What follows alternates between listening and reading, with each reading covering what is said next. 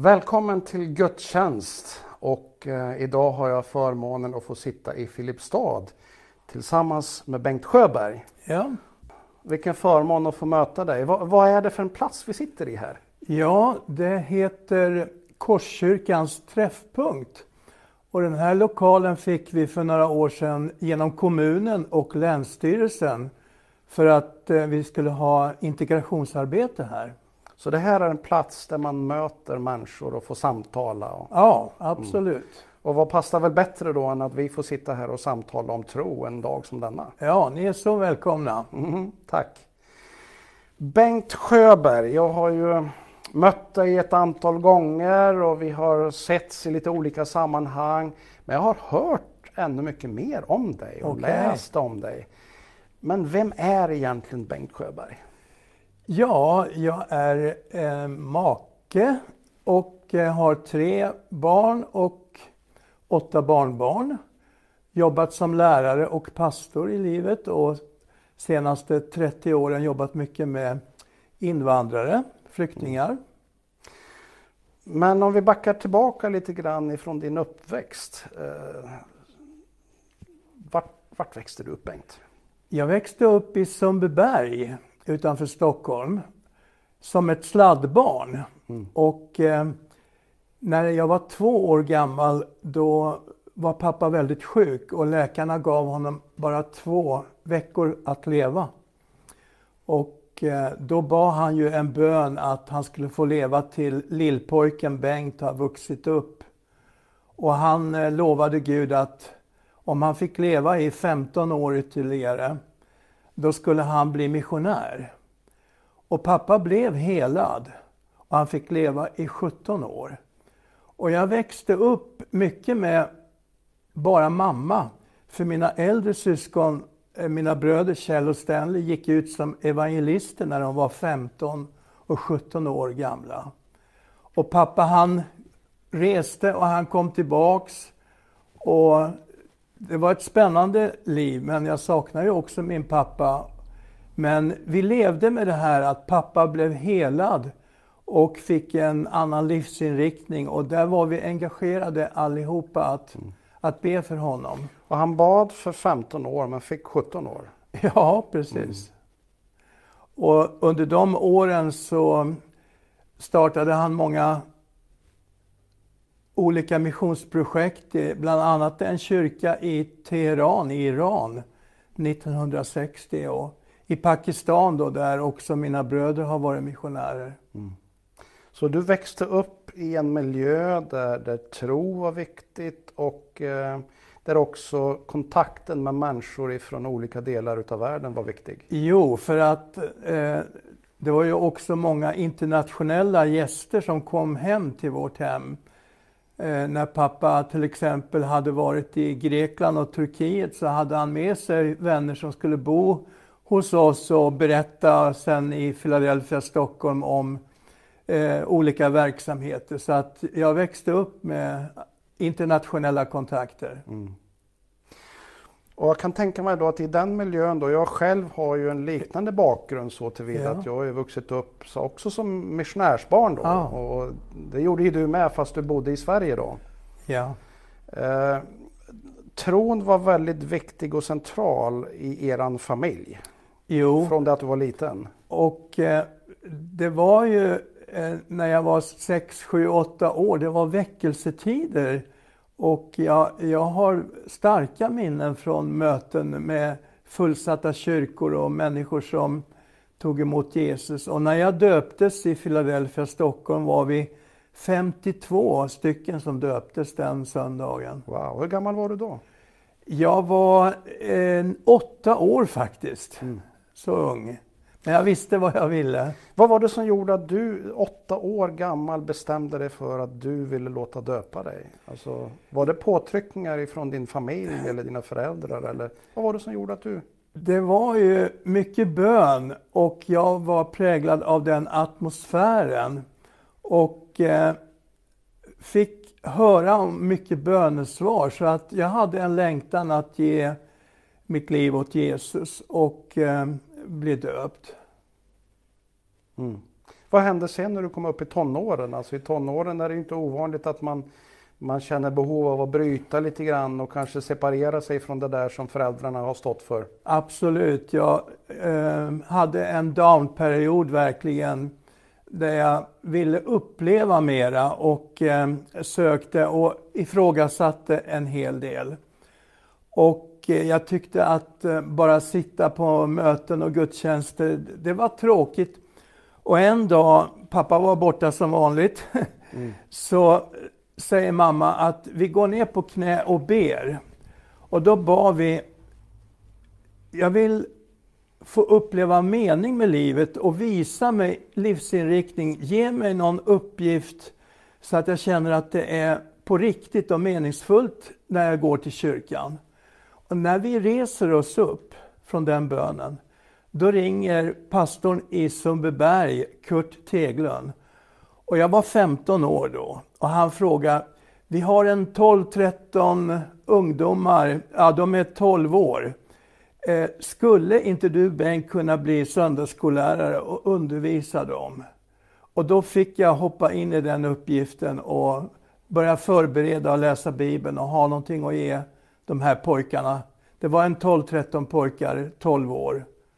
Så där, där får du någon form av svar på din bön ja, som du och din mamma bad? Ja, det var helt och så, Fantastiskt. Och som 15-åring ja. får du vara med och, och, leta och lära dig för att kunna leverera någonting till dem som var bara ett par, tre år yngre än dig. Ja, jag har tänkt mycket på det där och det kanske gjorde också att eh, det här med att eh, bli lärare, folkskollärare, eh, jag fick en livsinriktning då. Mm. Mm. Det är spännande det du berättar. Jag är själv också lärare och har konstaterat att, att det bästa sättet att lära sig någonting, det är att försöka att lära någon annan någonting. Jo, jag var ju tvungen att verkligen läsa Guds ord och slå i lexikon och uppslagsböcker och fråga pappa när han var hemma. Mm. Du, vi, vi pratade lite grann om att din pappa tog med sig människor ifrån olika länder när han hade varit i Grekland och så vidare och han startade en, en, en grundade en församling i Teheran i, i nuvarande Iran. Då. Ja. Eh, har du något speciellt minne ifrån någon som kom hem till dig som du liksom fångades av eller berördes utav? Ja, eh, det var en en ungdomskör som gästade Philadelphia i Sundbyberg. Och eh, de kom hem och, och drack te och eh, fikade och samlades kring pianot. Mm. Och de sjöng någonting så helt fantastiskt. Vart kom de ifrån? De kom, jag tror att de kom från USA. Mm. Eh, så ja, men det, det kommer jag ihåg. Och jag kommer också ihåg eh, en pastor från eh, Grekland. Och eh, vi samlade in kläder och vi samlade också in instrument till hans församling i, i Grekland. Mm. Du var åtta år när du lät döpa dig ja. efter ett medvetet beslut och du var 15 år när du liksom fick din, din någon form av bekräftelse utav livsmeningen. Ja. Och nu är du rätt mycket äldre än så. Ja, 73 fyller jag om ett par dagar. Wow, 73. Eh, hur ser din tro ut idag? Vad betyder tron på, mm. på Gud? Det är en, en oerhörd trygghet. Och eh, den har blivit... Eh, jag har inte varit en sån här som, som studerar alla teologiska spetsfundigheter och är med i den debatten, utan jag tänker jag försöker vara ett exempel på att omsätta eh, Jesu budskap i praktisk handling. Och det här bibelordet som vi eh, har läst lite innan här om att eh, hjälpa de fattiga och sjuka och räcka ut en, en hjälpande hand. Det, det är det jag lever för. Mm. Vi kanske ska läsa det bibelordet eh, helt enkelt för att jag, ja, men jag delade bibelord med Bengt här innan det här samtalet och sa vi att vi, vi läser det och så, så, Och nu delar vi det med er också. Så fortsätter vi vårt samtal om det lite grann. Mm. Och det är hämtat ifrån Lukas evangeliet. Lukas som ju var läkare och ganska systematiskt beskrev Jesu liv i Lukas evangeliet och sen vidare i Apostlagärningarna. Och han har börjat tidigt att beskriva Jesu födelse och hur det hände. Och sen så beskriver han hur Jesus när han är vuxen eh, kommer ut i öknen och han prövas. Han, han fastar och han är inför Gud men också djävulen kommer och prövar honom där. Och när han är klar med det där och där ordet har varit väldigt, väldigt viktigt, eh, då börjar han att resa runt och han börjar att tala med människor på ett nytt sätt. Och då står det så här i Lukas 4 och 14 och fram till 21 versen. Jesus uppträder i Galileen, är rubriken. Med Andens kraft inom sig återvände Jesus till Galileen och ryktet om honom spred sig i hela trakten. Han undervisade i deras synagogor och alla lovprisade honom. Han kom till Nasaret där han hade växt upp och på sabbaten så gick han till synagogan som han brukade. Han reste sig för att läsa och man gav honom profeten Jesajas bok. Och när han öppnade den fann han det ställe där det står skrivet Herrens ande är över mig. Ty han har smort mig till att frambära ett glädjebudskap till de fattiga. Han har sänt mig att förkunna befrielse för de fångna och syn för de blinda och ge de förtryckta frihet och förkunna ett nådens år från Herren. Han rullade ihop boken och gav den tillbaka till tjänaren och satte sig. Alla i synagogan hade sina blickar riktade mot honom och då började han tala till dem och sa Idag har detta skriftställe gått i uppfyllelse inför er som hör mig. Så var det alltså när Jesus gjorde som sin programförklaring där han citerar då profeten Jesaja som hade uttalat de här orden under ja, ganska många hundra år före det här hände.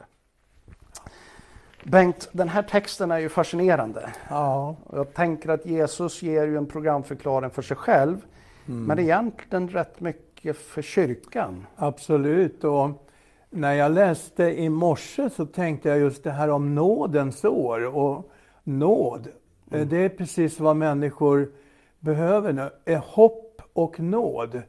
Eh, det känns eh, nedtryckande och, och många har ångest och, och, det känns mörkt för många. Och, och, vi ska komma med glädjens budskap om Jesu nåd och frälsning. Vad betyder nåd för dig? Det är oförtjänt eh, kärlek, upprättelse, förlåtelse. Att få komma precis som man är till Gud. behöver inte göra att är till på något vis. Så även i kyrkan, du får komma du är välkommen med dina tvivel. Du är välkommen till och med om du är muslim eller ateist. Alla är välkomna att dela vår gemenskap och tillsammans kan vi eh, lära och utforska mer om Jesu programförklaring och det betyder i vår tid. Mm. Så när du tänker om nådens år som ju står här, eh, hur omsätter man nådens tid eller nådens år i praktiken? Ja, så, så jag är riktad åt, åt det hållet. ja. Mm. Och hur gör du konkret? Alltså för den som, för den som har svårt att greppa begreppet nåd ja. eh, och, och göra det liksom Alltså för en del människor är ju det ett, ett, ett begrepp som man talar om i kyrkan. Mm. Man kan naturligtvis tala om det i juridiska termer, i, i, i rättsliga processer. Men om man gör det här praktiskt, alltså för en vanlig människa, en vanlig jordnära människa. Vad innebär nåd för en vanlig människa? Tänker du? Att bli accepterad. Eh, och jag hade faktiskt en, en eh, konversation på Messenger i morse mm. med någon som eh, bad om ursäkt för en sak. Och jag fick skriva tillbaks att du är förlåten och Eh, ja, jag vill också leva i förlåtelse. Och om jag har sagt någonting så vill jag också be om förlåtelse och vi ska ha en god relation. Så praktiskt. Mm. Du Bengt, du har bott här i Filipstad i 30-talet år. Ja. Mm.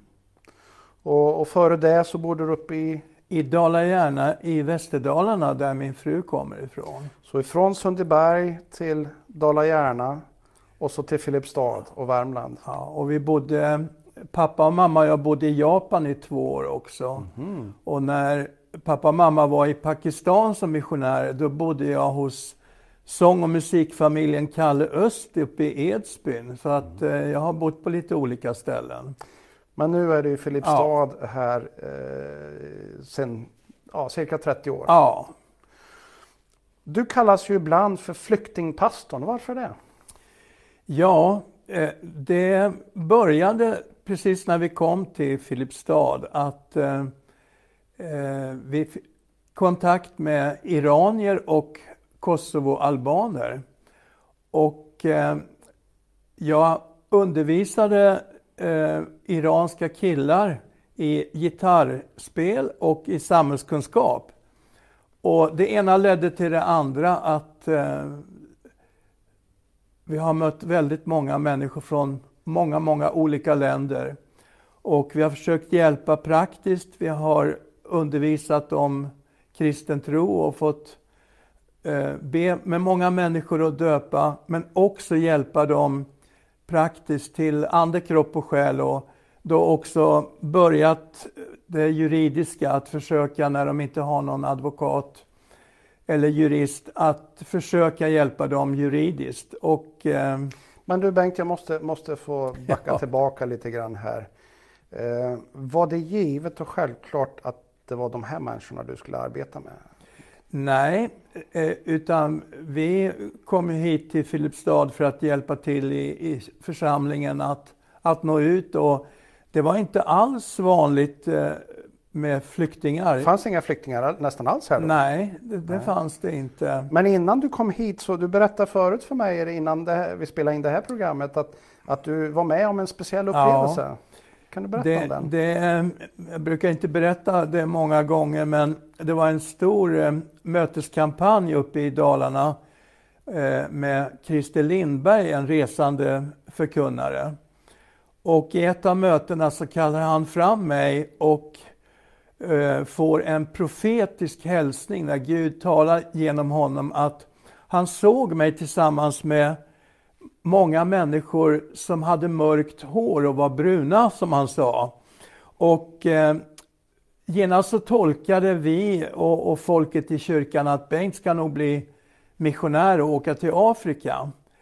Men den här eh, händelsen den dök upp då efter något år vi hade varit här i Filipstad när de här eh, iranska pojkarna kom och sen kom det en iransk kvinna knackade på hemma hos oss med sina två eh, döttrar, 11 och 12 år.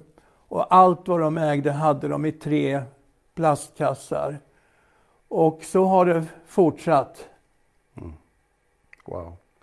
Så den här händelsen som du var med om, det var lite grann någon form av första hint eller förberedelse för det som kom att komma sen senare? Ja, och det var faktiskt, eh, hände en annan sak när vi var upp till Dala-Järna. I eh, en annan mötesserie så är det en annan förkunnare som också kallar fram mig. Och han säger, jag ser, du ska starta en ny verksamhet och jag ser en lång kö med människor. Och just då höll vi på att bjuda in Erikshjälpen second hand hit till Filipstad. Och när vi öppnade, då var kommunalrådet och folk från Arbetsförmedlingen och socialkontoret och Erikshjälpen här. Och det var en kö långt ut på gatan. Och under många år när vi öppnade butiken, eh, onsdagar och lördagar, så var det 40-50 personer i kö. Och det där blev ett missionscenter och när alla flyktingar kom till Filipstad så var det ett bra ställe att eh, handla billigt. Och eh, de som fick uppehållstillstånd de köpte sin första möblemang på Erikshjälpen. Och vi började ha möten på Erikshjälpens café. Och vi hade först bönemöten i kaféet där med 25, 35, 45, ända upp till 50 personer. Ibland var det kanske en tio ungdomar från Burundi som ställde sig upp och läste Guds ord och sjöng och himlen kom ner på second hand. Och det började komma muslimer som var sjuka och vi bad för dem och många blev helade. Och till sist räckte det inte att vara i kaféet utan vi fick plocka undan alla möbler och ha möten där. Det var under några år så var det, eh, det hände väldigt mycket och vi visade Jesusfilmen och människor tog emot Jesus i slutet av filmen. Vad spännande att ja. få höra din berättelse Bengt. Men då har jag en fråga som dyker upp i mitt, min tanke så här. Du, du är lärare, har jobbat som lärare, du är pastor och har varit pastor i lite olika eh, roller på olika platser. Och så möter du människor som ofta kommer och har en annan religiös bakgrund. Jo. Måste man bli en kristen eller efterföljare till Jesus för att få din hjälp? Absolut inte. Jag eh, ser till människan i första hand och har hjälpt många muslimer och ateister och vad, vad, en, vad det än är. Mm. Och då, då, tycker jag det är lite intressant att fundera över, över eh, det här med tro. Ibland så sätter ju vi många etiketter. Ja. Vi kan ju göra det. Olika kyrkor sätter lite olika etiketter på varandra och olika religiösa bakgrunder mm. alltså sätter etiketter på varandra. Hur viktigt tror du de där etiketterna kommer vara en gång när vi står vid himlens port? Ja, eh, oviktigt alltså, absolut. För att eh, som du nämner, eh, där med nysvenskarna och invandrarna, det har varit ortodoxa, det har varit katoliker, det har varit ehm, eh, från alla håll och kanter. Och tillsammans så har vi eh, mött Jesus. Mm. Och, och, jag har varit i hem där, eh, där muslimerna med respekt har bett mig också att be till Gud i Jesu namn. Och eh, ja, vi har kunnat mötas fint också med, med muslimer på mm. många olika sätt. Vad skulle du säga då, eh, om vi, det är kanske en svår fråga det här, men, men jag tycker det är spännande med lite svåra frågor ibland. Ja. Eh, när vi står vid himlens port, tänk, oss, tänk dig Bengt att du och jag står vid himlens port och det är ja. kanske är många fler där. Eh, vad tror du är, vad tror du är det viktigaste för att liksom ha den här inträdesbiljetten in i det himmelska? Ja, vi talade ju om nåd nyss här. Och det viktigaste är att tacka Jesus för vad han har gjort för oss. Tacka för att ta emot Guds gåva, Jesus och hans frälsning. Att acceptera det, det är det viktigaste, absolut. Att acceptera, etiketten är inte så viktig, Nej. men att acceptera den nåden, få ta emot den nåden som kan betyda frikännande, som kan mm. betyda mm. acceptans Absolut. för den man är. Absolut. Mm. Det är en viktig och bra början och, och blir ett bra slut också. Mm. mm. Wow.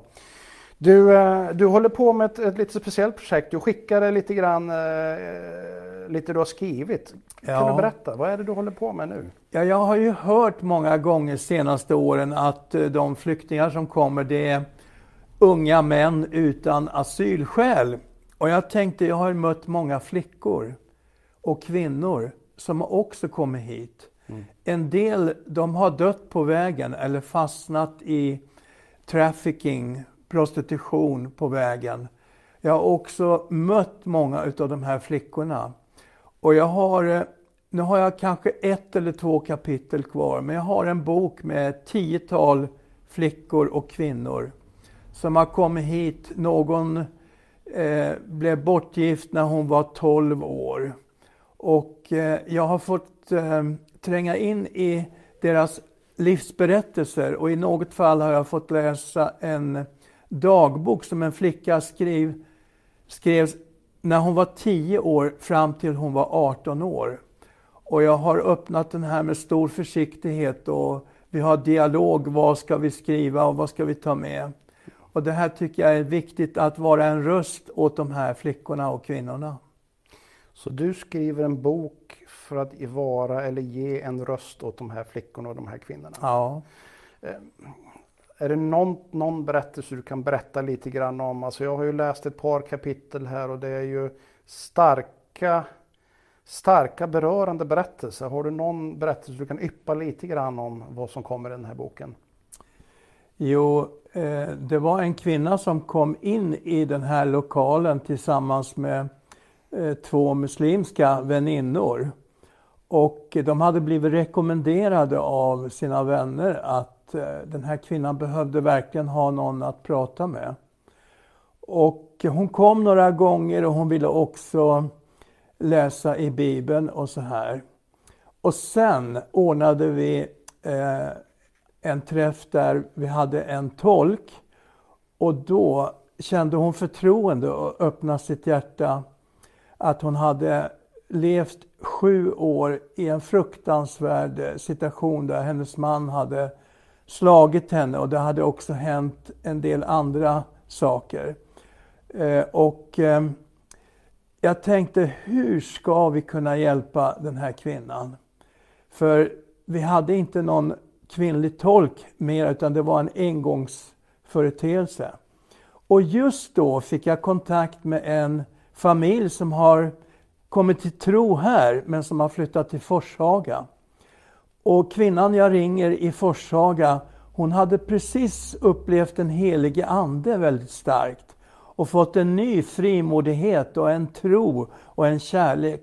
Så hon sa, Bengt, jag ringer gärna till den här kvinnan och samtalar med henne. Och efter några timmar så ringde hon tillbaka och berättade, jag har fått berätta hela eh, evangeliet om, om Jesus för henne och hon ville ta emot. Och jag har bett med den här kvinnan och så gav hon mig lite instruktioner hur vi skulle kunna fortsätta att hjälpa. Och jag, jag blev så tacksam för att eh, det vi sådde här hos en familj, det blev ringar på vattnet och de kunde, den kvinnan kunde hjälpa en från samma land. Mm. Så en person som du hade fått hjälp i ett skede här fick nu vara med efter att ha flyttat till en annan plats mm. att hjälpa en annan medmänniska i behov. Ja. Vad spännande. Ja. Spännande. Du, jag har en fråga här som jag måste ändå få ställa i det här sammanhanget. Du har ju mött många människor och hört många berättelser. Och jag kan tänka mig att, att alla berättelser som du har hört har inte varit sanna. Mm. Utan eh, någonstans så finns den där gnagande frågan, vad, vad, är det för något som är sant utav det här? Vad, vad har du för, för någonting som du tar hjälp utav för att verkligen försäkra om att ja. det, här, det här är trovärdigt, det här är sant, det här kan eh, du tro på? Jag tänker precis nu på min fru som har tid att be lite mer än jag. Och det har hänt vid flera tillfällen att vi har pratat om olika människor som har kommit och velat ha hjälp.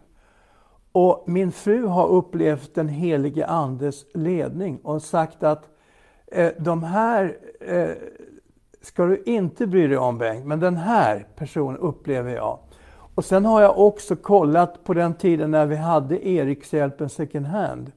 Och vi gick med de här människorna varje dag träffade vi dem, de städade toaletter och de jobbade. De visade sig vara trofasta. Och då lärde vi känna dem. Så att jag försöker bilda mig en uppfattning och be över saken och skaffa information från nätverk, Röda Korset, kyrka och så vidare innan jag eh, går all in i ett ärende kan man mm. säga. Så det är inte så lätt bara att komma med en historia till dig utan att eh, det måste finnas lite mer bakom. Ja, och det har hänt ibland att människor har kommit och liksom forcerat vill att jag ska göra det och pushat och jag har känt mig eh, styrd på något vis och då reagerar jag tvärt emot och då, då blir det ingenting på ett tag. Just det. Du, den här boken nu då, om vi ändå rundar av den, det samtal om, när, när, när är den färdig? När kommer den? Ja, jag har tänkt att den ska vara klar eh, i augusti för att en redaktör ska titta på det. Och sen ska den korrekturläsas och så vidare. Så att eh, till jul hoppas jag. Så det kanske kan bli en julklapp för en del då? Ja, vi hoppas på det. Mm. En eh, dubbelt välsignad julklapp med starka berättelser. Ja. Mm. Du, eh, jag har, jag har en fråga till som jag måste ställa. Det, det är en liten speciell fråga och eh, alltså du har ju levt, man kan väl säga att du har levt större delen av ditt liv här Ja. på jorden. Eh, och så hoppas vi att du kommer leva många år till. Men själv har jag brottats med den här frågan, eh, inte minst för, för några år sedan när jag liksom gjorde en sån här upplevelse att jag var så nära ifrån att liksom det här Oj. jordelivet avslutades. Oj. Och det fick mig att tänka till. Och, och den frågan som jag har levt med väldigt starkt efter det, det är vad är det som jag vi inte vill ha ogjort? Alltså vad är det för någonting som är riktigt viktigt? Någonting som jag absolut inte vill missa. Och, och, och känna den dagen som jag liksom vet att nu, nu är det här avslutat. Nu, nu, nu går jag vidare in i evigheten. Vad är det för någonting som du känner? Det här vill du inte ha ogjort. Ja, alltså det har blivit viktigare och viktigare med åren att eh, på allt som beror på mig, att jag inte ska ha någonting otalt med någon, att jag inte lever i oförsonlighet med någon. Först och främst med familj, men också omgivningen. Och det är så viktigt att få leva i frid och, och harmoni i, i sitt innersta, för då mår man ju riktigt bra till kropp och allting. Så jag eh, är väldigt mån om att om jag kommer på någonting vill jag be om förlåtelse och se till att ha Guds nåd över olika situationer och ta emot förlåtelse också. Nådens år läste vi om Ja. i bibeltexten. Ja. Ja, det är så viktigt. Det påminner mig om min pappa som ju inte lever längre, han är i himlen nu. Men, men han, när vi läste den 23 salmen tillsammans på slutet så gjorde han om den lite grann. Det finns, finns en vers som talar om att du bereder ett bord för mig i mina ovänners åsyn. Ja, Och han gjorde alltid om det till att du bereder ett bord för mig i mina vänners åsyn. Jag Ja. har inga ovänner, sa han. wow. Och han levde i den där, den där ja, upplevelsen och starka viljan att inte ha några ovänner någonstans. det är underbart. Mm. Tack Bengt för ett spännande samtal. Eh, vi ska alldeles strax avrunda och du ska få ge någonting vidare utöver det du redan har gjort i det här samtalet till våra tittare och lyssnare. Eh, men före det så vill jag vända mig till dig där och, och tacka för att du har varit med i samtalet så långt. Eh, kanske någonting som du har berörts av, någonting som du känner att det här skulle du vilja samtala om, kanske få hjälp i förbön. Ja, men då kommer du se kontaktuppgifterna i rutan här så att du får hemskt gärna kontakta. Och eh, innan Bengt ger lite välvalda tankar bara till avrundning och slut här så, så vill jag be en bön tillsammans. Gud i himlen, tack för att du ser varje människa som finns med i det här sammanhanget och tittar, tar del av den här lite annorlunda gudstjänsten. Gud, jag bara ber om din speciella välsignelse över var och en. Du som vet och som kan känna innersta hjärtan, jag bara ber om din nåd över var och en. Jag ber om modet av att få ta emot den där nåden.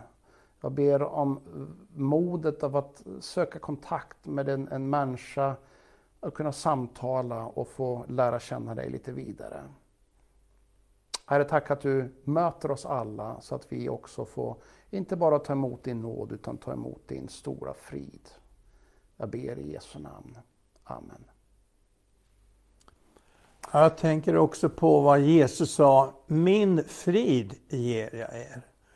Och eh, jag önskar att du också, om du inte har gjort det, ska ta emot Jesus i ditt, bjuda in honom i ditt liv och få uppleva den här nåden och kärleken. Och kära vänner, låt oss sprida hopp och glädje, ett leende, ett hej till någon och kanske bara ge någon ett glas vatten eh, och få uppleva glädjen i en annan människas ögon när du har gjort något lite. Mm. Tack så mycket Bengt för det här samtalet och för dina goda ord.